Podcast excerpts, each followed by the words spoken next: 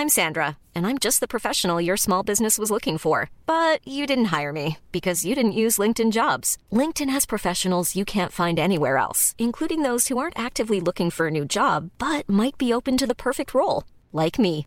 In a given month, over 70% of LinkedIn users don't visit other leading job sites. So if you're not looking on LinkedIn, you'll miss out on great candidates like Sandra. Start hiring professionals like a professional. Post your free job on linkedin.com/people today. When you're ready to pop the question, the last thing you want to do is second guess the ring. At Bluenile.com, you can design a one of a kind ring with the ease and convenience of shopping online. Choose your diamond and setting. When you find the one, you'll get it delivered right to your door. Go to Bluenile.com and use promo code LISTEN to get $50 off your purchase of $500 or more. That's code LISTEN at Bluenile.com for $50 off your purchase. Bluenile.com code LISTEN. Mom deserves the best, and there's no better place to shop for Mother's Day than Whole Foods Market. They're your destination for unbeatable savings, from premium gifts to show-stopping flowers and irresistible desserts. Start by saving 33% with Prime on all body care and candles. Then get a 15-stem bunch of tulips for just $9.99 each with Prime. Round out Mom's menu with festive rosé, irresistible berry chantilly cake, and more special treats. Come celebrate Mother's Day at Whole Foods Market.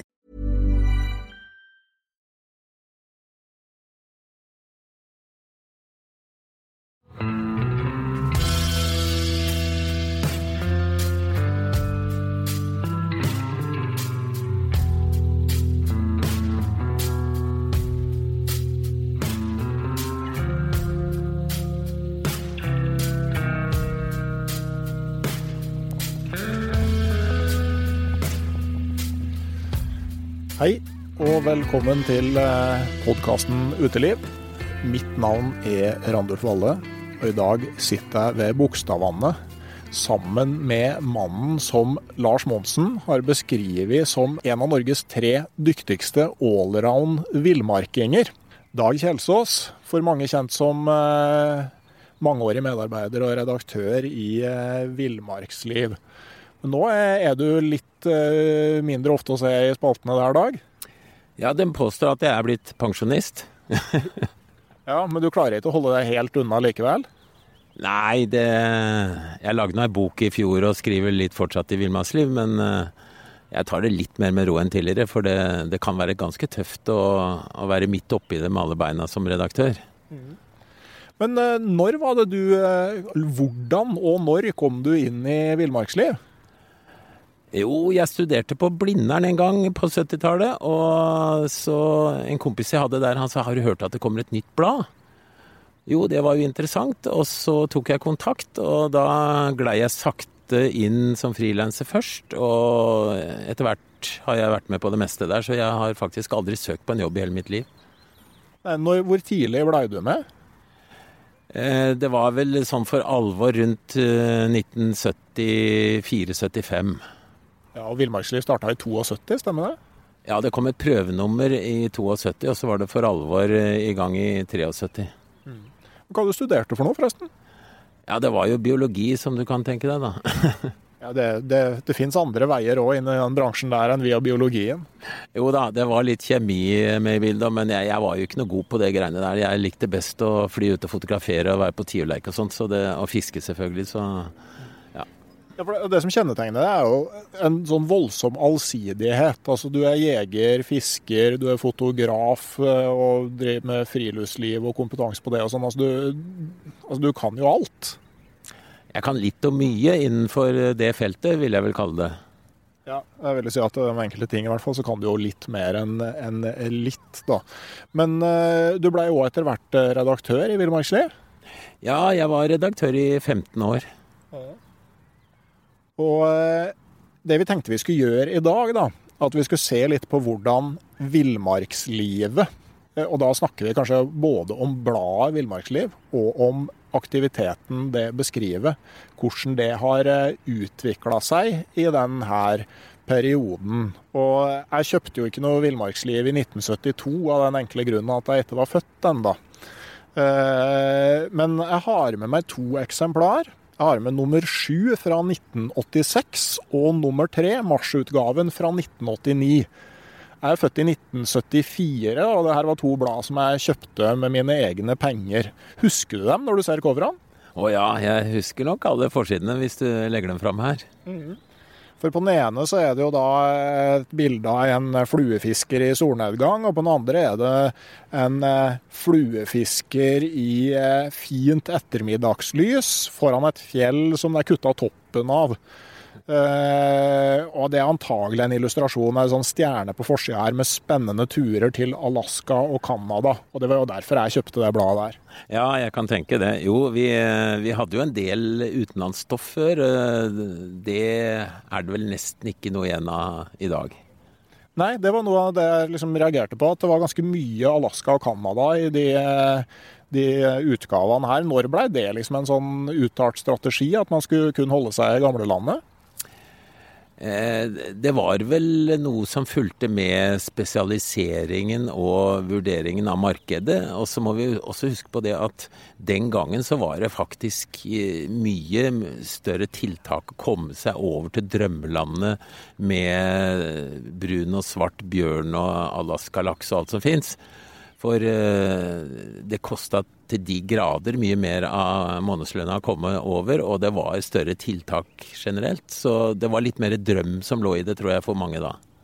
Altså Interessen for å skrive om det fra deres side forsvant egentlig. Jo flere som gjorde det, jo mindre interessant ble det egentlig. Ja, du kan kanskje si det sånn, men, men det var nok også det at vi gjorde leseundersøkelser som viste at det folk, eh, iallfall våre lesere, da, ville ha, det var det de kjente best. Og da snakker vi om eh, elgjakt, eh, harejakt, eh, ørretfiske osv.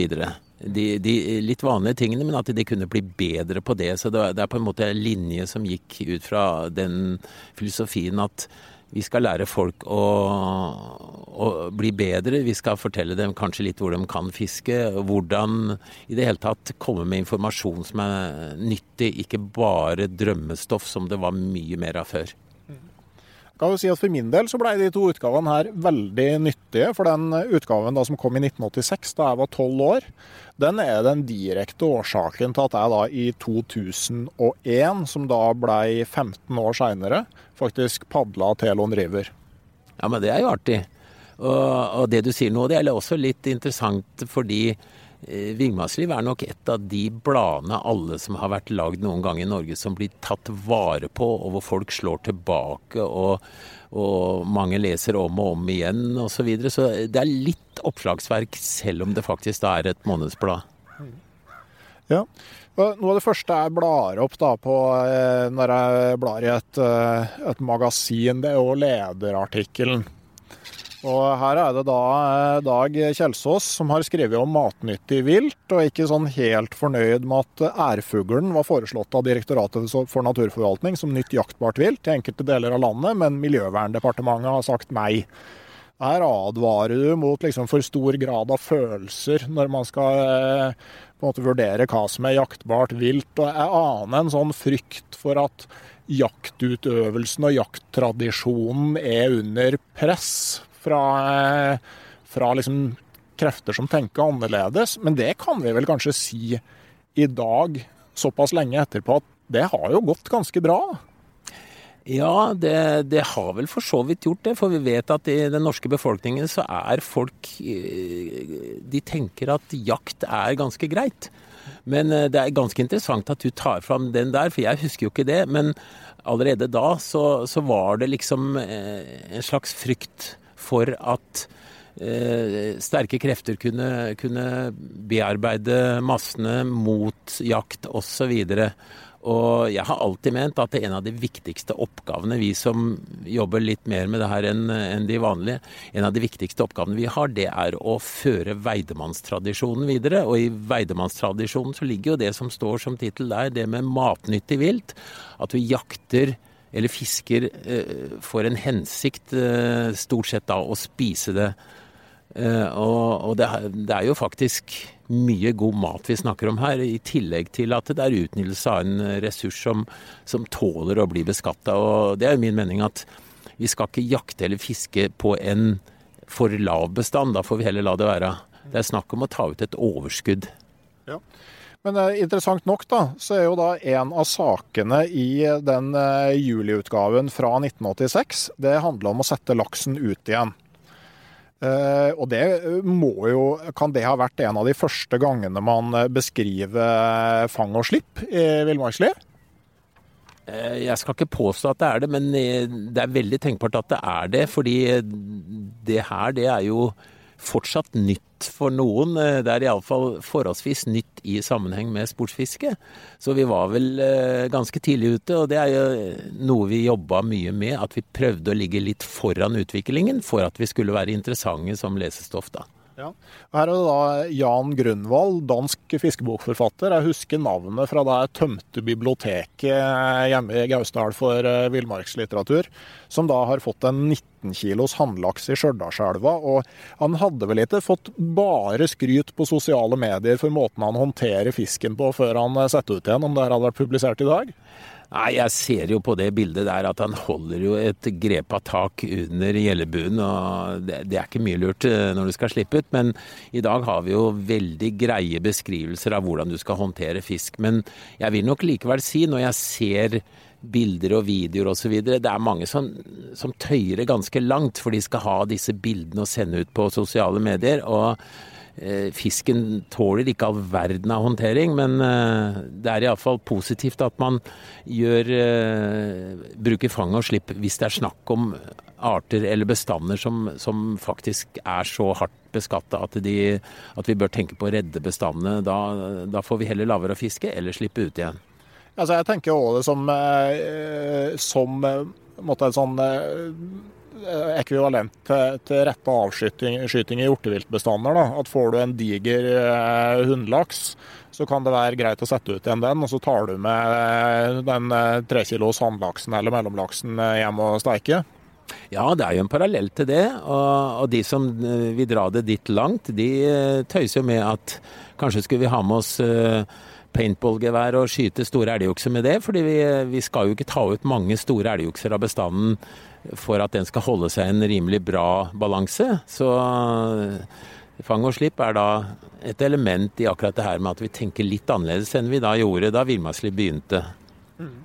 Men eh, altså, for, for det at eh, høstingsprinsippet er jo veldig sånn der eh, At du fisker for mat er veldig sånn tydelig i de utgavene her fra, fra 80-tallet. Men jeg husker relativt tidlig, jeg mener det var deg som fikk ganske hard kritikk, for du hadde vært på det der isfisket etter sik i Glomma, mener jeg, og på tredje forsøk eller noe sånt fått en gigantfangst. Og det syns noen ble i meste laget. Ja, i dag hadde jeg ikke gjort det, men jeg har veldig god samvittighet fordi eh, her snakker vi om en bestand som er så stor, eh, så det er overhodet ingen fare å, å, å ta ut så mye som vi gjorde. Men, men vi tok jo Ja, jeg tok vel 70 sik med snittvekt på 1,2 kilo i løpet av seks timer. På sportsfiske, vel å merke. Og det er klart at det, det, jeg hadde ikke gjort i dag. Jeg, kan til mitt forsvar si at alle fiskene ble spist. Ja, men jeg kan si at De fleste sikbestander i Norge, hvis det er noe de hadde trengt, så var det jo at noen fiskere kom inn og tok 70 eksemplarer hver. da. Ja, det, i mange vann så er det jo helt klart en bestand av for liten sigg, fordi det er for tøft å, å finne mat nok. Men akkurat eh, så stor sigg i Glomma, så, så kan du si at det, det, var, det var greit, men jeg ville ikke gjort det om igjen. men det var moro. Det vil jeg tro. Det vil jeg tro. Eh, Men du bruker altså egenfanga og eh, vilt og fisk eh, i din egen meny, ikke sant? Ja, det, det var ikke med tanke på at du skulle snakke med meg i dag, men jeg spiste egenfiska stekt ørret i dag, som jeg fiska i går. Og i går så spiste jeg egenfiska ørret som jeg fiska i forgårs. Ok, så her, du lever, Sånn er det når man blir pensjonist i, i bladbransjen. Da lever man fra hånd til munn. Jeg har vel egentlig eh, hatt det prinsippet eh, hele livet. Så jeg husker da jeg ble tenåring, eh, eller ja, jeg var kanskje 17-18 år, da sa jeg til mor og far min nei, nå, nå skal dere slutte å kjøpe fisk eller kjøtt, for det skal jeg skaffe til dere. Og det, det gjorde jeg i praksis resten av levetida deres. Det er ikke dårlig. Og jeg så jo, eh, Når vi snakker på store fiskefangster, så sjekka jo Facebook-sida di at du hadde en ganske rå torskefangst som lå ute der. Ja, vi, vi var Det var jo på skreifiske, da. Så, men eh, da fiska vi for en som driver litt mer profesjonelt. Men vi, vi var fire mann som tok, tok 1,6 tonn på tre dager, var det vel. På stang, da. Det er ganske mo i, mo i musklene da? Ja, det, det var ganske slitsomt for så vidt. Men jeg har hatt det verre. For jeg har prøvd å være litt pioner i forhold til rekorder, og jeg er konkurransemann dessverre så til de grader. Så jeg prøvde å få den første håkjerringa i Norge. Da fiska vi på 400 meters dyp, og da hadde jeg et lodd på én kilo i andre enden. Og når du har sveiva opp et lodd på én kilo en del ganger i løpet av en dag, så blir du rimelig sliten. Så jeg fikk sånn akutt behandling på legevakta for tennisalbuer etterpå. det, det var en en eh, kompis av meg som, eh, i Hammerfest som eh, satte seg for å ta kveite på flue. Og han og det eneste han fikk, det var tennisalbue. Ja, det, det, er jo sånn at vi glemmer jo helt uh, verden rundt oss. Det er en egenskap en del av oss har. Altså tid og avtaler og hva det nå enn er. Altså, mora mi har grinet mye pga. meg. Jeg har kjempedårlig samvittighet for det. For jeg dro jo på fisketur som guttunge om kvelden, og så sa jeg ja, jeg kom igjen sånn ved ellevetida eller et eller annet, og fisken beit. Og jeg kom selvfølgelig ikke hjem før på morgenen. Og mor mi var litt, helt naturlig litt hysterisk og sånn, da. Så jeg slutta med å love når jeg skulle komme hjem. Jeg begynte å si jeg kommer hjem i dag eller i morgen. Ja. Enten før eller etter midnatt, ja. Det... Men eh, jeg tenkte også det var en annen sak her som jeg syns var eh, ganske morsom. Eh, jeg husker ikke om det var hvilken av bladene den var i, men det var i hvert fall en sånn her man hadde snakka med Ja, her er en. Eh, hadde du turt å sette den tittelen der på, på, trykk i bladet nå? Ja, det, når hadde du sist med hvitfisk hjem til din kone? altså, jeg, jeg, jeg er en type som prøver å spise alt. Jeg har prøvd så mye rart, så jeg tør nesten ikke å nevne det. Men, men eh, vi, men akkurat, akkurat, det fokuset på at man skal ha det med hjem til sin kone, er kanskje litt sånn 80-talls uh... Ja, men hvis det hadde vært godt, så hadde jeg jo tatt det med hjem til din kone. Men, men det du tenker på, er selvfølgelig det at uh, mannen gjør hva han vil ute og fisker, og kona er hjemme og steller mat og sånn. og Eh, der, der, har jeg god samvittighet, for jeg har alltid gjort eh, fangstene klare for eh, fryseboksen. Jeg har aldri slengt eh, en halv elg på bordet og sagt vær så god. Men jeg tenker også på at eh, det var i den andre bladet vi har med her, så var det jo eh, den første markedsundersøkelsen til villmarkslivet i 1989. Det var presentert der. Jeg vet ikke om det var den første, men det var i hvert fall en markedsundersøkelse i 1989. Og av abonnentene så var 97% menn. Ja, og da peker du på, på en uh, utvikling som vi jo har sett. Uh, og det er at uh, damene kommer og har kommet de seinere åra. Så jeg har jo vært med på i jegerprøvekurssammenheng og konkurranseskytinger og mye rart. Og sammen på fisking. Og, og ser at jentene de kommer og Når det gjelder å gå tur, så er jo jentene i flertall mange steder. Så, så der har det skjedd en, jeg vil si, gledelig utvikling. Ja, definitivt, spør du meg. Ja, det er jo eh, kjempehyggelig. Og jeg, jeg, er jo så sjeleglad for at jeg har en datter som syns det er kjempegøy å gå på alle de høyeste toppene rundt omkring. Bare ikke detter ned, så er det sånt er kjempebra. Ja, og det er klart, altså med, med, en sånn far, så tenker jeg at du kunne jo ha slått to veier. Ja, det, eh, jeg var nok litt tøff for å prøve å få ungene mine til å bli fiskeinteressert. Jeg fikk høre det fra en kompis hvis datter hadde bursdag for en haug med år siden, og da hadde min datter fortalt ja, men vi har venta mye på den, da. ja, jeg vil tro det. Men eh, en annen ting som jeg ser eh, i de bladene her, at det står nesten ingenting om turutstyr i dem. Det er én uh, liten test hvor man sammenligner om man kaster lengst med dyre eller billige stenger, og så står det litt grann, ikke noe tester eller noe sånt, bare står lite grann sånn omtaler av produkter. Og det er ganske annerledes i dag. Ja, hvis du tar de første utgavene, så var det vel ikke noe med utstyr. Og det sto Det var lange noveller, og det, det har vært en veldig endring i stofftypen. I dag vet vi jo at folk, eh, og særlig leserne av sånne blader, de er veldig interessert i utstyr. Og eh, du kan godt kalle det utstyrshysteri, fordi Eh, det er jo folk som kjøper ny fiskestang hvert år for du skal ha siste modell og sånn. Jeg syns det er helt latterlig. Jeg tar derimot de gamle stengene andre har brekt og skjøter sammen og bruker. ja, og eh, det, det, er jo Altså, men mye har jo skjedd med turutstyr siden 1986. Eh, bare tenke sånn, Hva er det som er virkelig altså En del er jo bra. Jeg tenker at sånn som LED-lyktene f.eks. er jo en definitivt en klar forbedring i forhold til lommelykter og hodelykter man brukte før. Ja, jeg, eh, jeg, vet ikke om du Du har nok også opplevd de der flate batteriene, ikke sant? 4,5 volts lommelyktsbatterier ja. med to sånne vinger på, liksom. Ja. Og, og, de går ut når du er halvveis uh, ute i natta, ikke sant? I forhold til dagens lykter med små batterier, lette, ekstremt sterkt lys osv. Så, videre. så det har vært en kjempeutvikling på mange felter, og det er jo et typisk eksempel på noe som er blitt mye, mye bedre. Mm. Ja, så tenk på GPS-teknologien det er jo, eh, I mine øyne så er jo det et klart framskritt. At du kan, når du ikke vet hvor du er, så kan du slå på et apparat og faktisk finne det ut. Ja, det er klart at det er jo helt ekstremt bra, men, men, jeg er Du kan godt si at jeg er litt gammeldags, eller har litt motstand mot altfor mye digitale ting. For jeg har jo opplevd en del batterier som har gått ut, og ting som har klikka sånn. Eh, jeg er av den oppfatning at du skal klare deg på observasjoner av naturen Eh, du skal huske kartet, bruke kartet og ha med kompass, og helst finne fram uten hjelpemidler. Det, det, det er det jeg prøver og, og syns er gøy, egentlig.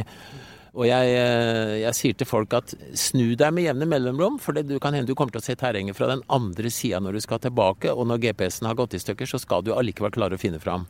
Jo da, jeg er helt enig i det som sånn grunnleggende. og Jeg ble jo lurt trill rundt av en GPS for et par år siden her, eh, så jeg mista et telt, faktisk. Men, eh, men f.eks. å navigere i whiteout på Finnmarksvidda om vinteren, det er jo i praksis ikke mulig med kart og kompass. Altså, eh, altså da, da, vet du bare sånn passelig hvor du er ganske mye av tida, spesielt i de flatere områdene. Og jeg tenker også at Eh, det kan jo liksom hjelpe deg å komme deg ned, f.eks. Fra, fra fjell, når du ellers bare blir liggende i ro. Jo da, jeg, jeg, jeg sier ikke det at GPS er håpløse ting. Jeg har en GPS, jeg òg. Eh, men, men, jeg har jo bl.a. gått på tur sammen med en verdensmester i orientering. Og eh, midt på natta, i sånt vær du snakker om, finner fram til den snøskaveren vi skulle legge oss inn i. Hvis du trener mye, lærer deg til å vite at uh, tar jeg staven dit når jeg går på ski, så er det to meter imellom hvert stavtak, og kanskje telle litt. Uh, og bruker alle sansene til det ytterste, så er det helt utrolig hva du kan klare uten noe hjelpemiddel. I hvert fall uh, trenger du ikke alltid GPS. Men, men, jeg er helt enig med deg, det er en kjempebra sak som sikkerhet. Noe annet du kommer på som sånn virkelig har utvikla seg til det bedre? Ja, det, altså innen klær. Jeg, da jeg begynte med elgjakt, så gikk jo alle rundt i tunge vadmelsdresser. Og eh, da de var søkkvåte, så veide du jo fem kilo mer enn du gjorde da du gikk ut. Eh, med de kunstige klærne, som du kan kalle det, som, som er eh, lagd av kunstfiber og pustende såkalt eh, materialer osv. Så, videre. så det er klart vi har veldig mye bra på, på klesfronten. Og vi har jo Liggeunderlagene er jo bedre å ligge på enn de harde som vi hadde før. Det er masse, masse som har eh, utvikla seg og blitt mye bedre. Vi kaster mye lengre med multifilament på, på snella osv. osv. Mm. Men uh, samtidig så har det jo blitt en sånn voldsom spesialisering og et mye sånn større utstyrs kan vi si, krav eller behov.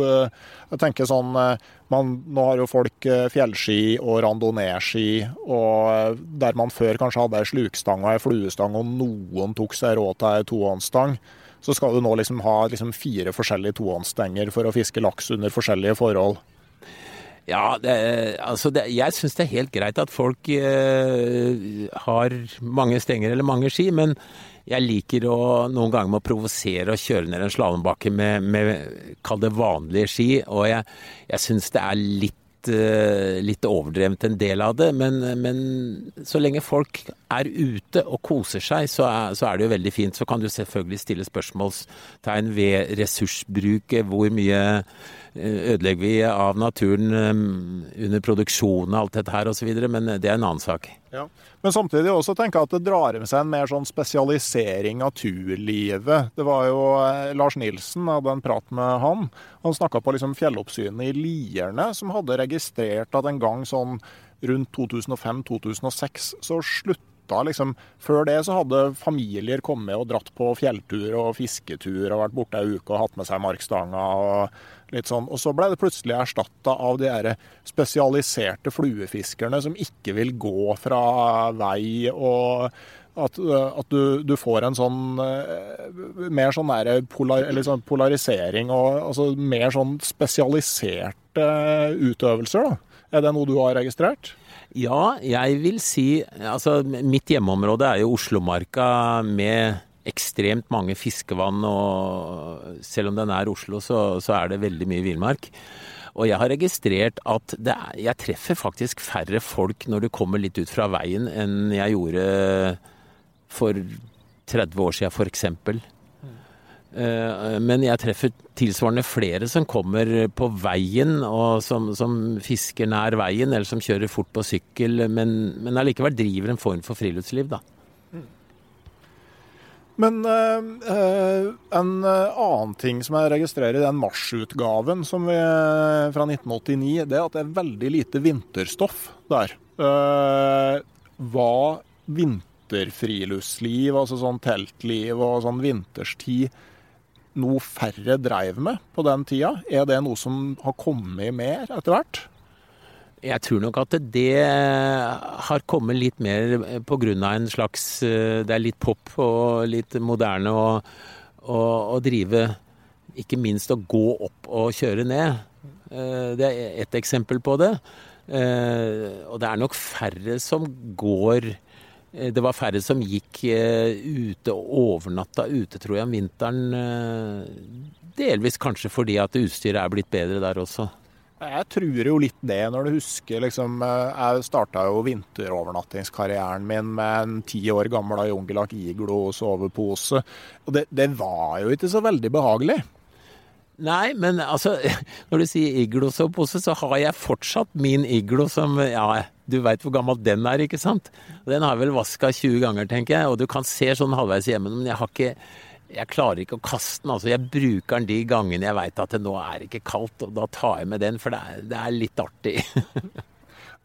den har jo vært veldig mye på tur, men jeg merker jo at uh, Altså, jeg tror jo at det med at vinterfriluftslivet har uh, blitt mer populært nå, er jo at en del av det utstyret som man har tilgang til, gjør det mer, eller mindre ubehagelig da, enn det må ha vært. Uh, på, på 80-tallet. Bare sånn som at dunjakke har blitt et helt vanlig plagg å ha på vinterstid. Altså Det gjør veldig mye for komforten på en vintertur.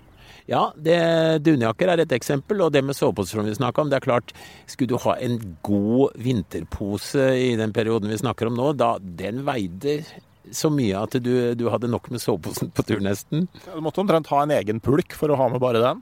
Ja, ja, ja. Og vi, ble, vi gikk jo en del med pulk òg, da. Ja. Og så tenker jeg skisko. Når det kom altså sånn i kjølvannet av at folk begynte å dra på ferie over innlandsisen på Grønland og sånn, så jo Så kunne du gå i butikk og kjøpe sånn skisko med ullkartanker og sånn oppi. sånn at nå kan du faktisk holde deg god og varm på tærne på skikkelig kalde vinterturer. Og det var vanskelig med Beksum-sko, altså. Ja, det var det. Og, og altså, det, sko er jo et eksempel på hvordan utviklingen har gått. Fordi fjellsko den gangen du, du, gikk jo 14 dager for å prøve å gå dem til, og du duppa dem i vann, og enda så var det vondt. I dag så ta, kjøper du sko i butikken og så kan du gå rett på fjelltur, så det er en enorm forskjell. Så det, på mange vis så, så Altså, det, det, er jo sånn øh, enklere på, på, et vis, da, samtidig som det blir mer komplisert for at du sitter og klør deg i hodet og lurer på akkurat hva slags utstyr du skal ha med den gangen her. Ja, men, men jeg vil også si at jeg syns eh, Jeg går jo jevnlig rundt i sportsbutikker og kikker og spør litt og osv. Og, Og jeg syns faktisk at det er veldig mange som er bra på å gi råd og, og foreslå det utstyr man egentlig trenger.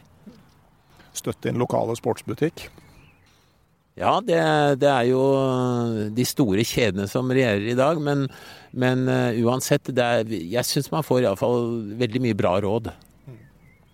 Men hvis vi dykker ned mer i måte sånn det redaksjonelle arbeidet, altså hva sier du Kan du si noe om hva er en virkelig god villmarkslivsak? Uh, det er den saken du slår opp på og, og sperrer opp øya og sier 'den her må jeg lese med en gang', og som, hvor du da tar med deg villmarksliv på do eller på trikken og blåser i alle de som sitter og, og glor i den der firkanten som er digital, men du leser villmarksliv, for det her må du bare få med en gang inna, inn i huet ditt, for det er så nyttig. Ja, altså Kanskje spesielt eh, hvis det da i tillegg er noe du ikke visste på forhånd at du hadde behov for. Er det en bra faktor? At man klarer å skrive noe som fengsler folk uten at de på forhånd visste at det her trengte de å vite? Ja, det, det vil jo, hvis det kan utvide horisonten og, og føre deg over på litt nye felter, så er jo det selvfølgelig et, et pre. Men samtidig så må jeg si at jeg syns folk er eh, veldig konservative i mange sammenhenger. Fordi de har opplevd ting eller, eller, lært seg ting, og har noen ganger litt vanskelig for å begynne med, med nye ting. Så, men, men det, er, det, er, også noen som er veldig sultne, så, så, du treffer jo alle typer mennesker da. Og en av hensiktene til, til et blad som Villmarksliv er jo at du skal, du skal gi en verdi som, som, kan være opplysninger om riktig utstyr, eller eh, om gode fiskeplasser, eller gode fiskemetoder. Altså du, du, skal føle at du virkelig har noe igjen for uh, å lese blad, da. Men eh, da du kom inn i bladet her, så, eh, så var det jo liksom gründerne som, eh, som styrte sjappa, bl.a. Torbjørn Tufte. Og hva var det de lærte deg? Altså, du var jo biolog som skulle lære å, å skrive. Altså, kan du sette liksom fingeren på hva du liksom lærte de første årene? Ja, jeg, jeg, var veldig heldig, fordi det var to redaktører, da. De hadde annethvert nummer. Det er jo eh, sannsynligvis eneste tilfelle i norsk bladverden. Men i hvert fall, eh, det, det, var veldig interessant. For han ene, han var jo skikkelig bladmann. Og han satte titler som, som, som sto og Som eh, folk åpna øya for og, og ble nysgjerrige av. Og han andre, han var friluftsmann og kunne det faget. Og blandinga av de to inspirerte meg hele tida, sånn at jeg følte at jeg, jeg fikk både i pose og sekk, egentlig. Sånn at du både får uh, evnen til å formidle fagkunnskapen, men at du òg får liksom, det journalistiske håndverket med hvordan man bygger opp en sak og får noen til å lese den?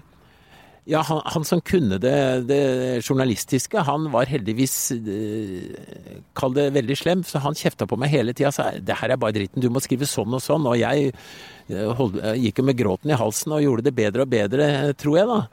Og Torbjørn Tufte han oppmuntra til, eh, til, turer og, og, og, ga meg tips eh, på, det, på den sida. Så totalen av det her var at jeg følte at jeg fikk en Jeg hadde en ganske bra utvikling, tror jeg takket være de. Og når vi ser på de eh, bladene fra 80-tallet, så er det jo veldig mye tekst og veldig lite bilder. Egentlig en del tegninger, men ganske lite fotografi. Eh, og i dag så er det jo eh, litt sånn motsatt, tenker jeg. at altså, Det virker som da så var det teksten som bar saken, og nå er det i stor grad bildene som eh, bærer saken. Er det en observasjon du kan sånn, si deg enig i, eller? Ja, ja, absolutt. Altså, Vi lever jo i den visuelle verdenen i dag. Eh, det, forholdene var helt annerledes den gangen.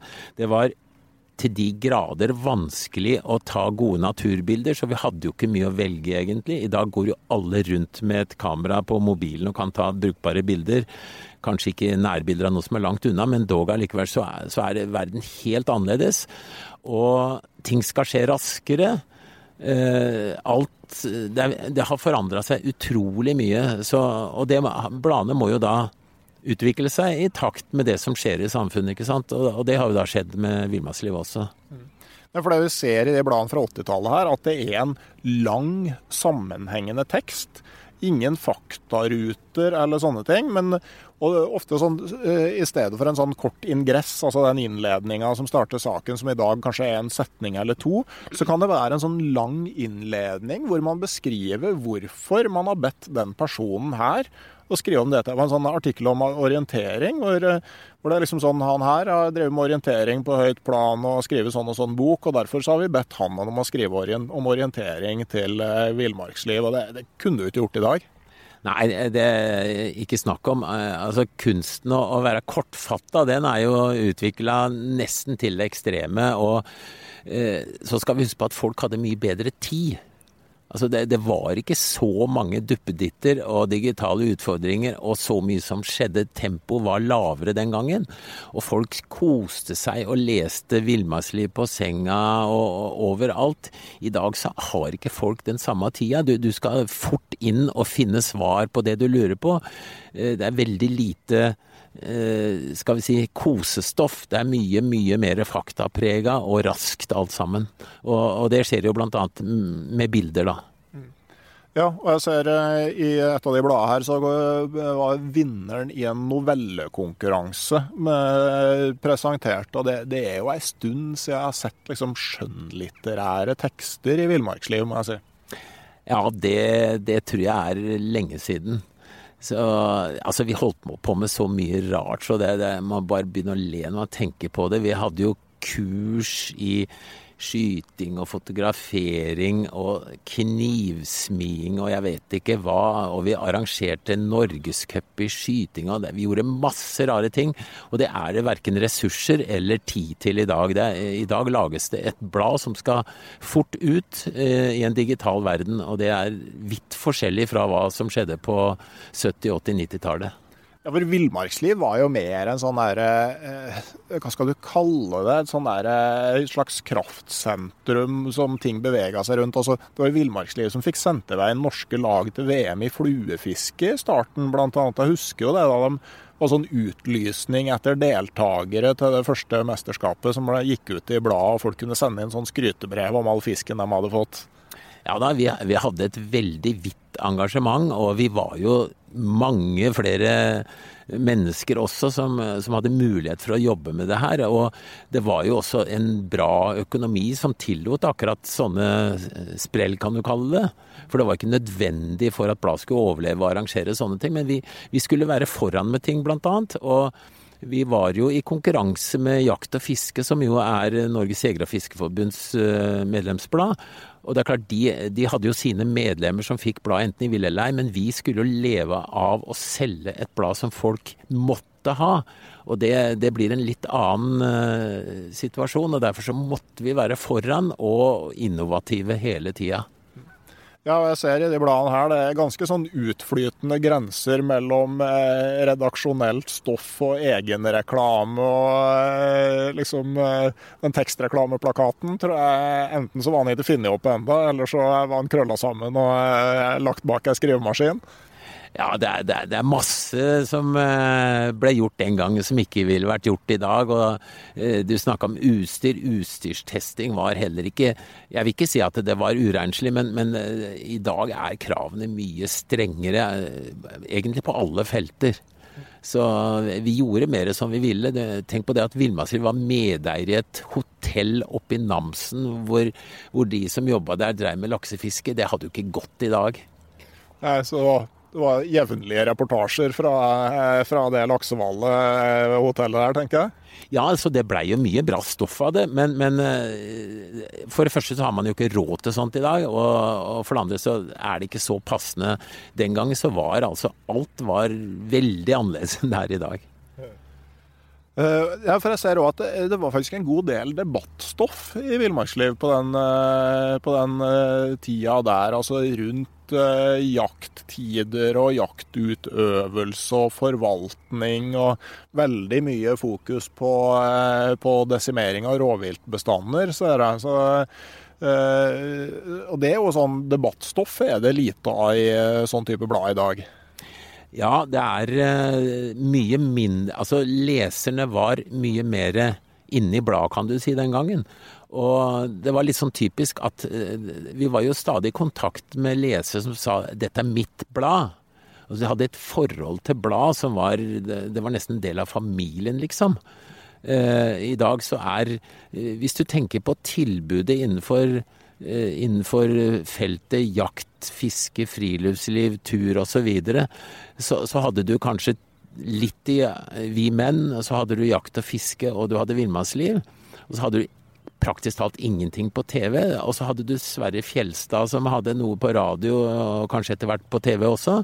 I dag så kan du jo slå på hvilken TV-kanal du vil og finne friluftsstoff. Og du kan når som helst på døgnet leite rundt til du finner en jaktreportasje på en eller annen kanal. Og hvis du ikke finner det, så er det lagra, så du kan hente det fram. Og du har muligheter som det, er helt, Verden er helt, helt annerledes. Og, og, i det òg så er jo, eh, altså som vi har snakka på, altså kanskje spesielt innen fisking, så har jo eh, folk blitt enormt spesialiserte og søker liksom info om veldig spesialiserte aktiviteter. Ja, det, det, er jo en del av utviklingen uh, generelt, at, at man er, blir spesialisert.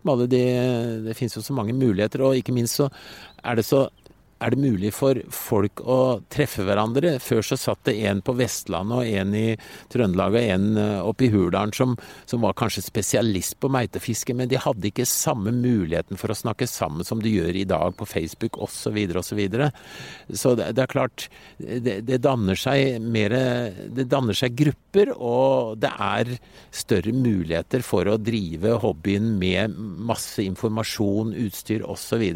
Den gangen så var jo sportsfiske, det var ja, kanskje litt før villmarksliv sin tid, men da var det på en måte ei bambusstang og dupp og krok, ikke sant.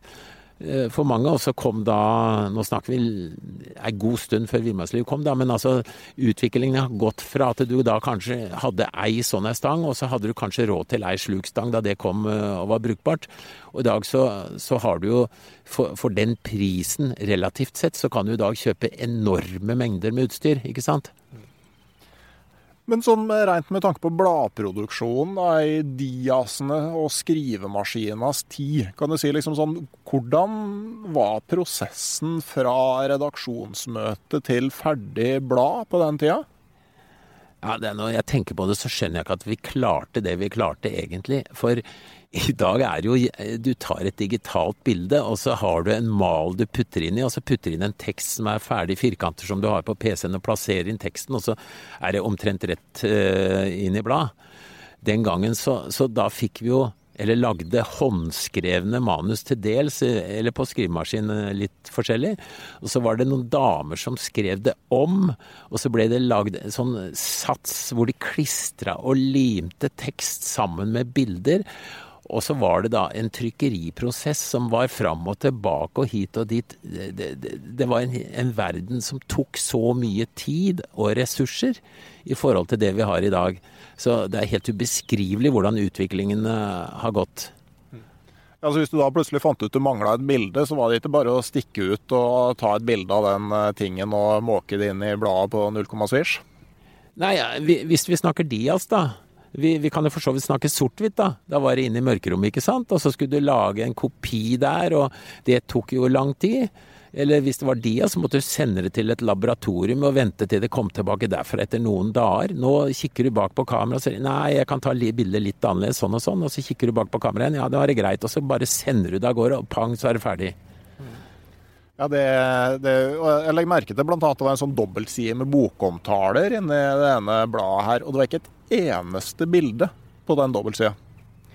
Nei, det, det, var, som du sa for litt siden, det var jo mye mindre oppdelt og eh, lange perioder med tett tekst. Og det folk i dag hadde kommet til å hoppe over, fordi de ville tenke at det her er jo så kjedelig og langtekkelig, så det orker jeg jo ikke. Men det går jo noe tapt i det der òg, at man ikke kan eh, liksom presentere en lang, god tekst som du kan lese og tenke litt over? Det er jo fortsatt en del lesere av villmannsliv, og vi må jo innrømme at det er folk som er 50 eh, eller kanskje 60 pluss, som fortsatt etterlyser de litt eh, gode fortellingene, novellene, eh, det stoffet som, som, er litt mer filosofisk, for å kalle det det. Hvor, hvor, du, hvor, du, ser på naturen på en litt annen måte enn akkurat å vurdere eh, vind og temperatur, og da bruker vi sånn flue, og nå smeller vi til, og pang, pang det var litt mer sånn filosofering rundt det. Og det er veldig artig å lese de gamle historiene, for det, det ligger noe der som, som, får deg til å drømme på en helt annen måte. En eh, kompis av meg, han er, eh, spiller forresten gammel eh, heavy metal-bassist. Han driver et antikvariat i Trondheim og forteller at Hans Lidman og Torbjørn Tufte er det fortsatt ganske stor etterspørsel etter. Ja, jeg ser i min egen bokhylle. De bøkene som, jeg, som står øverst på hylla, som jeg setter kanskje mest pris på, det er nemlig akkurat de to. Men um, jeg tenker jo at det er jo litt artig at altså, enhver reaksjon får jo en motreaksjon. Og jeg tenker litt av det de gamle karene der etterlyser, det, det kan de jo finne f.eks. hos Harvest på, på nett. Eh, de har jo liksom tatt tilbake litt det der med å bruke tekst og ord til å beskrive naturen i stedet for bilder. De har bl.a. sånn prinsipp om at hvis de har saker om fisking, så skal de ikke ha et eneste bilde av fisk i de sakene. Ja, det, det er vel ett eksempel på noen som, som, Jeg vet ikke om de prøver å gjøre det gammeldags, men de prøver å gjøre det på en annen måte. Eh, jeg skal ikke kommentere om de har lykkes eller ikke, men, men det er iallfall veldig få som, som, tenker på den måten i dag. Så, eh, men jeg tenker at altså, det er altså, Hvis du skriver godt, altså kanskje ikke i villmarksliv at det er et marked for det i dag, men at uh, den gode historien altså, jeg tenker det, det, det må kunne gå an å nå gjennom med den fortsatt? Ja, det Når jeg eh, lager en fiskehistorie, jeg skriver litt fortsatt da, og leverer litt stoff, så, så, prøver jeg å bygge inn litt av det i det andre stoffet. Men jeg har selvfølgelig lært at det skal deles opp og det skal gjøres sånn og sånn, sånn at det tilfredsstiller dagens krav.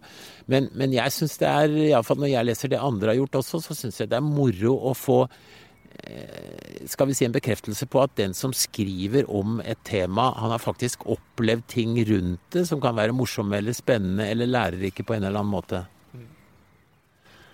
Eh, men eh, da du satt i redaktørstolen i Villmarksliv på slutten av 80-tallet, så kom det et par karer inn og lurte på om det kunne være noen mulighet for å trykke en artikkel i hver utgave fra det året de skulle gå Norge på langs. Var det omtrent sånn det skjedde?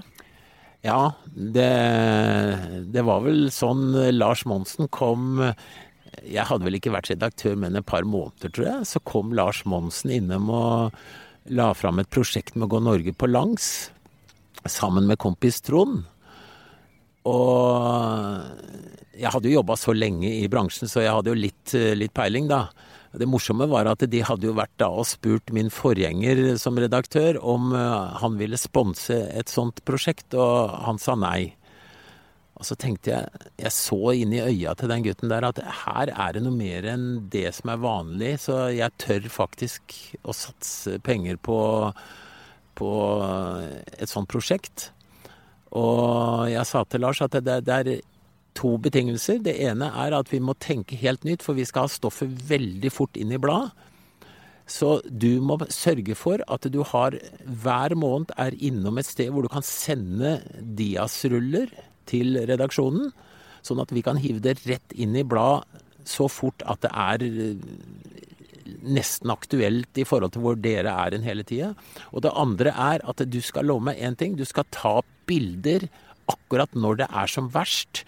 Hvis Trond henger etter to fingre og roper om hjelp, skal du ta et bilde først, og så skal du redde den. Og det, det, var vel ikke helt bokstavelig, men det var for uh, Lars var jo ganske uerfaren den gangen. Han hadde ikke gjort så veldig mye annet enn han har levert noen småsaker til villmarksliv.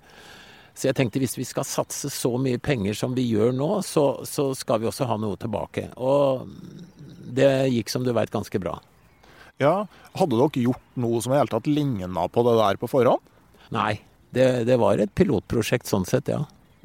Men uh, hvor mange søvnløse netter kosta ventinga på de der filmrullene, redaktøren? Når du satt sikkert med åpne, åpent, åpne sider i bladet og tromma og venta på at ting skulle innfinne seg på kontoret? Eh, det gikk vel egentlig veldig bra, for Lars han tok det her veldig seriøst og, og sørga for at, eh, at, han fikk sendt de filmene. Så det, det, jeg kan ikke huske én gang det var krise. Det, var noen ganger det gikk eh, Altså å jobbe om natta, det må man jo drive med når man holder på med sånne ting. Til og med et månedsblad, da. Men eh, det gikk bra. Ja, og som du sier, altså, jeg husker jo det der veldig godt. For det, for det var jo noe helt nytt. Og spesielt det der med ja, både at de skulle være ute så lenge, og og det med at de faktisk klarte det der med å ta bilder når, når det var som verst, og var ganske ærlige på at det her var ikke bare enkelt. Nei, det, det, det gikk, eh, gikk, fint, og det var veldig moro å se at Lars da tok de rå bildene innimellom hvor altså teltet var i ferd med å, å ned, og, og, stormen herja og Ja, det skjedde på, på, på, et år så skjer det jo litt eh, forskjellig innenfor været, så det er klart de opplevde jo en del Eh, litt, ikke kritiske kanskje, men iallfall ganske tøffe situasjoner. Ja, og jeg har jo tenkt på det å være på tur gjennom hele vinteren med et stormkjøkken med spritbrenner. Det kan ikke ha vært mye behagelig. Nei, det, det, det krever sitt. Det, det, er klart det gjør det. Men, men Lars er veldig flink på å forberede seg på å tenke gjennom uh, mulige scenarioer som kan skje. Han, han, tenker skjer det, så gjør jeg sånn, osv., osv. Det er bare én gang i, på Lars sine turer, uh, både i Alaska, Canada og Norge, hvor jeg har på en måte sett at han har gjort noe ordentlig dumt. Og det, det er godt gjort på så, så mange uh, dager ute. Ja. Uh, hvordan tror du eh, Lars og for han, Dere hadde jo eh, både på Alaska-kryssinga og delvis på Canada-kryssinga, mener jeg, så fulgte villmarksliv eh, turene. Og det prega jo og Både det og andre turer som han gjorde, prega jo virkelig bladet, spesielt gjennom 90-tallet. Ja, vi, vi, vi satsa beinhardt på Lars, og han ble jo etter hvert eh, megakjendis. Eh, og vi syns jo det var litt moro at Lars var vår, kan du si, da. Og han var veldig lojal også, for han innså det at det var vi som hadde hjulpet ham veldig godt i vei på det han holdt på med, og som da skulle bli eh, hans liv, ikke sant. Men eh, hva tror du liksom eh, Hvor mye har Lars hatt å si for ja, sånn utøvelsen av villmarksliv og friluftsliv i Norge, sånn vi ser det i dag? Jeg mener at Lars har hatt ekstremt mye å si, ikke minst med tanke på rekruttering. Eh, han har Altså, da Lars knubba en fisk med, med å slå fingra i huet på, på, den som den strøk med, så gikk jo alle unge rundt og hadde blod, blod på knokene for at de skulle gjøre akkurat det samme, ikke sant. Eh, og han har hatt en utrolig bra innflytelse på utviklingen innen friluftslivet i Norge, så det er, det er, helt, det er megastort det Lars har gjort. Og du eh, dukka jo opp igjen i Monsen på eh, villspor som eh, si, ekspertkommentator. Men jeg snakka med en av dem i NRK-systemet som jobba med den serien. Han fortalte at før dere skulle Det var nordover, og du skulle instruere Anne Rimmen i kveitefiske. Og dere skulle vel dra på en mandag. og Han hadde prøvd å få tak i et par dager uten helt å få noe svar. Og så ringte han, jeg tror det var på torsdag, og så sa du ja, ja, det, jeg kan ikke snakke så lenge, skjønner du, for at, du skjønner jeg ligger på operasjonsbordet. jo, jo. Det, når du må ta blindtarmen, så må du ta den. Da er det ikke noe grunn til å utsette det. Men eh, altså, du tok blindtarmen på torsdag, og så var du på plass eh, på TV på mandag? Ja, jeg dro vel med eh, Om det var dagen etter eller to dager etterpå, det husker jeg ikke. Men altså, de er så flinke på sykehuset i dag, så det er ikke noe å skryte av det. Men, men, jeg har hørt at eh, du hadde en avtale med Anne Rimmen om at hvis du beit på ei kveite, så skulle du slippe å sveive den opp? Ja, det var, det var, rimelig vondt når jeg dro til litt der, da. men det var vel også fordi det skulle bli litt show hvis, det, hvis hun dro opp en stor fisk, da. men det, eh, det sies jo at du kan være ganske sta? Altså, jeg Sånn i ettertid fra mange fisketurer med mennesker og sånn, så må jeg innrømme at jeg har jo vært pyton å være sammen med. For eh, når jeg går i lakseelva, så går jeg liksom ikke opp igjen, for jeg blir stående der eh, og er veldig seig og, og sta og, og kjører beinhardt. Og Men det er jo det en annen som virkelig lærte meg å fiske laks. Altså, fiske laks, det er ikke kos, det er beinhardt arbeid. Ja, det, og det gjelder jo ikke bare laksefiske. Det, det gjelder Ja, han, han, som ble redaktør etter meg, og som jeg ansatte en gang som journalist, eh, Knut, han forteller om en tur vi hadde på reinsjakt, og da begynte vi klokka fire om morgenen, og klokka elleve så og da gikk vi beinhardt, for han hadde skrytt av at han var ganske eh, frisk i forhold til idrett og sånt, så jeg tenkte da skal du få kjørt deg. Så vi gikk jo beinhardt fra klokka fire om morgenen, da, for vi skulle gå en del mil, da. Og klokka elleve så sier Knut eh, litt fortvila da, jeg husker ikke, men han har fortalt det, så det er kanskje sant, at du, kan vi ikke sette oss ned og spise mat snart? Og da skal jeg ha sett på Knut eh, og sagt du kan vel spise mens du går, for det er jo regn i området her. det er viktig å, er viktig å ha fokus. fokus. Men, øh, men sånn som nå, da. Hva slags type friluftsliv er det du, du driver med nå? Jeg, jeg, jeg går mye på, på ski. To typer. Det ene er å gå i skauen og kose meg. Det andre er at jeg syns det er deilig å dra på skikkelig med langrennsski. Eh, og så sykler jeg ganske mye. Og så går jeg selvfølgelig til vann hvor jeg skal fiske, eller når jeg skal jakte elg, eller hva det enn gjelder. Så det blir mye friluftsliv av, av blanda type, sånn jeg alltid har holdt på med. Men er det godt nå å liksom kunne få være på tur en del uten å skulle formidle det etterpå? Ja, det, det, er på en måte det. Fordi at eh, jeg må ikke ta bilde av alle situasjoner i dag. Men eh, jeg har jo med meg kamera stort sett, da. Så, så det, det, sitter jo i beinmargen. Jeg leste jo eh, Hans Lidman-biografien. altså Hans Lidman blir nok en, eh, både én og flere kanskje episoder i den podkasten her etter hvert. Men i den så skriver han jo eh, Det er et brev som er publisert her som han skriver, hvor han skriver om hvor vanskelig det egentlig er å skrive om fiske. I hvert fall hvor vanskelig det er å variere det. Og det at han etter hvert omtrent har følelsen at han drar for å fiske for å ha noe å skrive om. Har du noen gang sittet med noen sånn følelse? At nå drar jeg på tur for å ha noe å skrive om, ikke fordi jeg har lyst i første omgang? Jeg kan ikke si at jeg har alltid hatt lyst til å fiske, så det Jeg kan ikke huske at jeg har dratt på noen fisketur uten å ha hatt lyst, men jeg har, jeg har, dratt på mange turer bevisst for å skrive, enten det er et sted jeg vet det er en type fisk, en, enten det er stor fisk eller eh, sjelden fisk eller hva det nå enn er, så så det har nok vært planlagt i forhold til å lage stoff i mange sammenhenger. Men har du følt det som noe sånn eh, hemmende for opplevelsen, eller noe sånn tvangstrøye på noe vis? Nei, jeg, jeg er en evig naturromantiker, så jeg, jeg, koser meg Altså, jeg har jo sett en del tusen solnedgang, men jeg, jeg syns det er like fint hver gang. Og jeg har sett eh, veldig mange fiskevak, men jeg syns det er like spennende hver gang. Så det, det, det der er der bare. Mm. Men sånn når du har sittet med redaktøransvaret for Villmarksliv, og etter hvert så starta dere jo opp to andre blad i tillegg. Altså, hvordan er arbeidsmengden da? Får man vært mye på tur i sånne perioder, eller, eller blir man sittende på et kontor og redigere et turblad? Eh, sånn i ettertid skulle jeg ønske jeg hadde overtidsbetalt for alt det jeg har sittet utenom vanlig arbeidstid, for da hadde jeg vært en rik mann i dag. Men det er jeg ikke, og, og jeg angrer ikke et sekund på at jeg har sittet mange netter og skrevet. Eh, kanskje for å, å, få muligheten for å dra på fisketur en ettermiddag og dra litt tidlig fra jobben.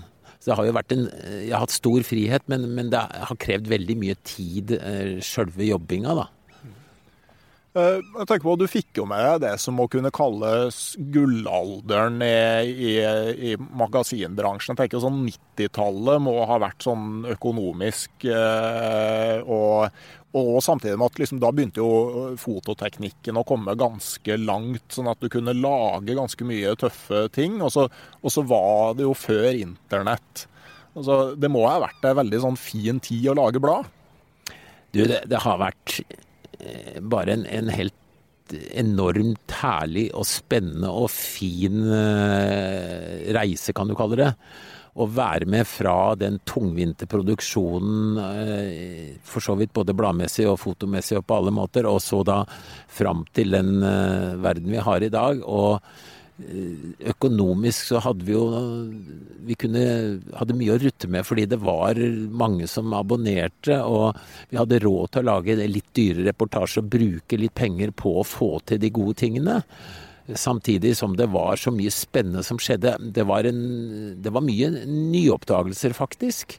Og vi, vi F.eks. innenfor fiske så var vi jo Vi bestemte oss for i redaksjonen at jeg skulle prøve å sette verdensrekord på ur, og det klarte jeg. Og det, det, er på en måte litt spennende at du kan gjøre sånne ting, og dra da to-tre timer ut fra, fra havna nord for Lofoten og, og, klare å få til sånne ting og ha råd til det og tid til det og kunne gjøre det. Det er, det er jo kjempeartig. Så, eh, men hvordan er det nå, da? Er det liksom eh, Er det eh, greit å ha trådt til side og se at For det må jo ha litt sånn babyforhold omtrent til villmarksliv, skal jeg tro, etter å ha vært med der så lenge? Ja, mens jeg holdt på der, så var jeg jeg var så intens i, i forhold til at bladet var en baby, som du sier, at det var liksom krise hvis det var en liten feil. Sjøl om det egentlig ikke var noen krise, så var det likevel det. For at du var så opptatt av at du skulle gjøre det best mulig. Eh, men da jeg slutta, så, så kobla jeg helt ut, og i dag er jeg helt avslappa. Jeg, jeg kan se ting som, som, jeg ville gjort annerledes, men som kan godt hende blir gjort riktig i dag og sånn. Men jeg, jeg orker ikke å å bruke mye energi på det, fordi at uh, nå er jeg ferdig som redaktør, og da, da, har jeg ikke noe mer med det. Nei, og det, det er jo noe med det at uh, veldig mye av hvordan, hvordan, man lager et blad og sånn, er jo faktisk en subjektiv oppfatning òg. Uh, og det er det jo en del som, har, som blir sittende i hornet på veggen, som ikke nødvendigvis klarer å ta inn over seg. Ja, det er, det er veldig viktig å, å, ha det forholdet. Og uh, nå er jeg så heldig at jeg ansatte jo en som var journalist og som var kjempegod, og som jeg syns har vært veldig bra som redaktør etterpå. Så er, jeg sitter jo ikke og irriterer meg over noe, nesten, fordi han er så bra. Så det, det er veldig hyggelig å se det at Villmannsliv fortsetter å, å være bra, da. Ja, og det lever jo i beste velgående. og jeg tenker jo kanskje at selv om verden blir mer og mer digital, så kanskje er villmarksliv, og ikke minst bladet Jakt, et av de som kommer til å holde stand på papir lengst. Ja, vi, det, det, er veldig artig å se at Jakt, som vi, som vi begynte liksom med helt blanke ark med at, at, de har overlevd så bra, og at, vi har, at de har den standingen som det har i markedet. Det er, det er veldig artig å se. Eh, største fiskeopplevelsen din i løpet av årene i bladet? Ja, det, det, det, er så innmari vanskelig å si. Det blir liksom eh, Det er, det er så mange. Den, den, største er nok den gangen jeg var i Orkela. Hvis jeg, hvis jeg skal ta en av de store, da. Det var da jeg var i Orkela og fiska på ekstremt høy vannstand etter laks. Og så var det oppe en fisk på brekka, en høl, som de kjenner historien i, tilbake til 1800 og den tid. Og det er aldri noen fisk som har gått ut av den hølen. Og så kasta jeg på en fisk på brekket som viste seg at det var en ekstremt stor laks. Jeg så hele sida på laksen da den snudde og gikk ut av hølen. Og da heiv jeg meg på elva, for jeg hadde liksom i huet at hvis, hvis laksen er stor nok, så går du på elva.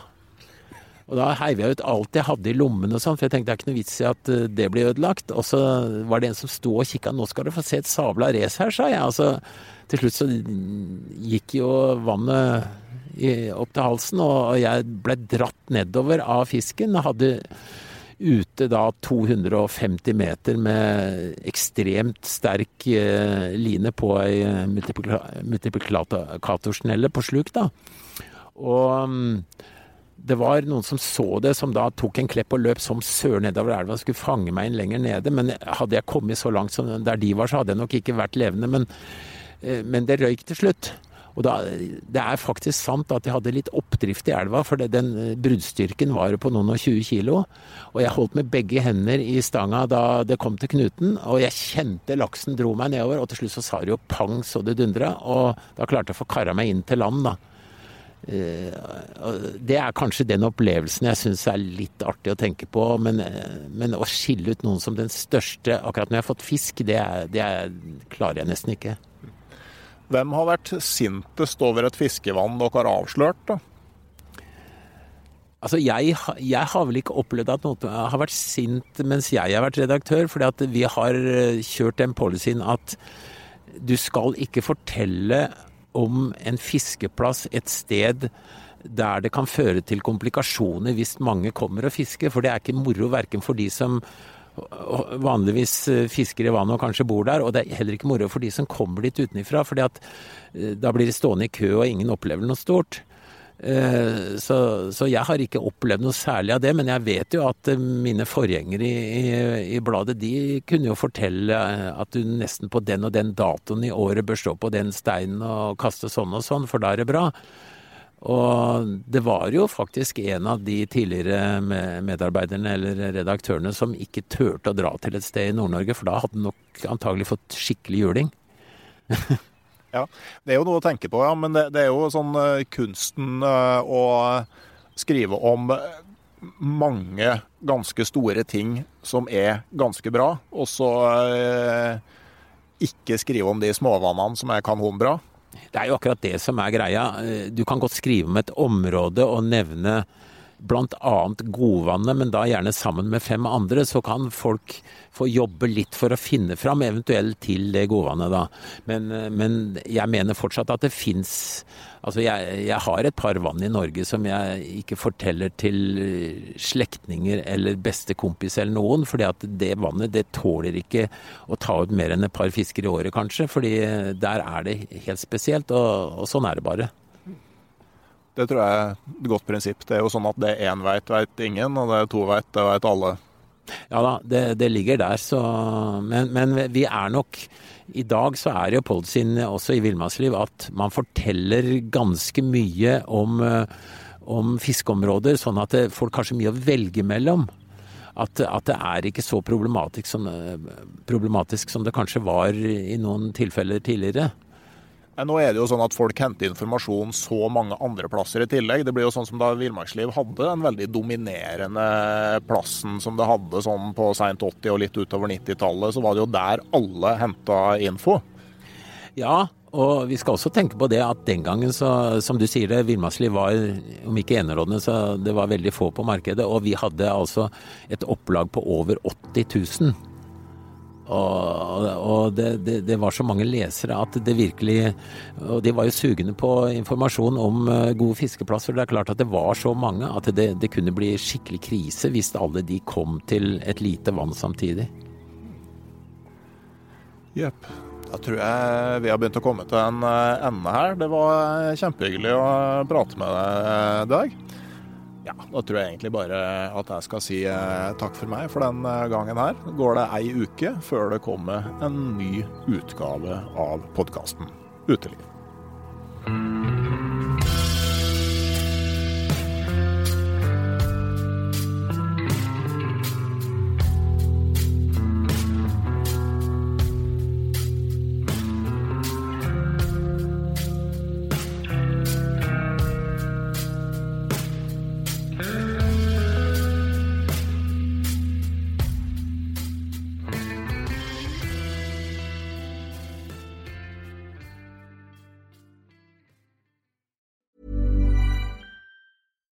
Hi, I'm Daniel, founder of Pretty Litter. Cats and cat owners deserve better than any old fashioned litter. That's why I teamed up with scientists and veterinarians to create Pretty Litter. Its innovative crystal formula has superior odor control and weighs up to 80% less than clay litter. Pretty Litter even monitors health by changing colors to help detect early signs of potential illness. It's the world's smartest kitty litter. Go to prettylitter.com and use code ACAST for 20% off your first order and a free cat toy. Terms and conditions apply. See site for details. Mom deserves the best, and there's no better place to shop for Mother's Day than Whole Foods Market. They're your destination for unbeatable savings, from premium gifts to show-stopping flowers and irresistible desserts. Start by saving 33% with Prime on all body care and candles. Then get a 15-stem bunch of tulips for just $9.99 each with Prime. Round out Mom's menu with festive rosé, irresistible berry chantilly cake, and more special treats. Come celebrate Mother's Day at Whole Foods Market.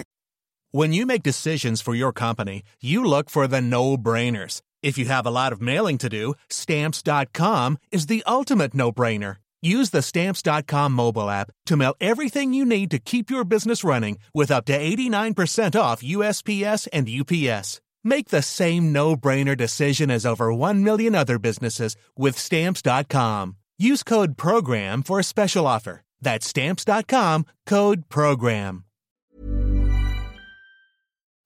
Hei, jeg heter Nore Helligsen og er daglig leder i Barents Outdoor. Det beste vi kan gjøre for planeten, er å redusere forbruket vårt og få mer ut av det utstyret vi allerede har. Men vi vet av erfaring at bruken av telt kan endre seg over tid. Det teltet du kjøpte for to år siden, passer kanskje ikke det behovet du har i dag. Derfor har vi i Barents etablert en egen panteordning der vi tar imot brukte telt av god kvalitet i innbytte når du kjøper et nytt av oss.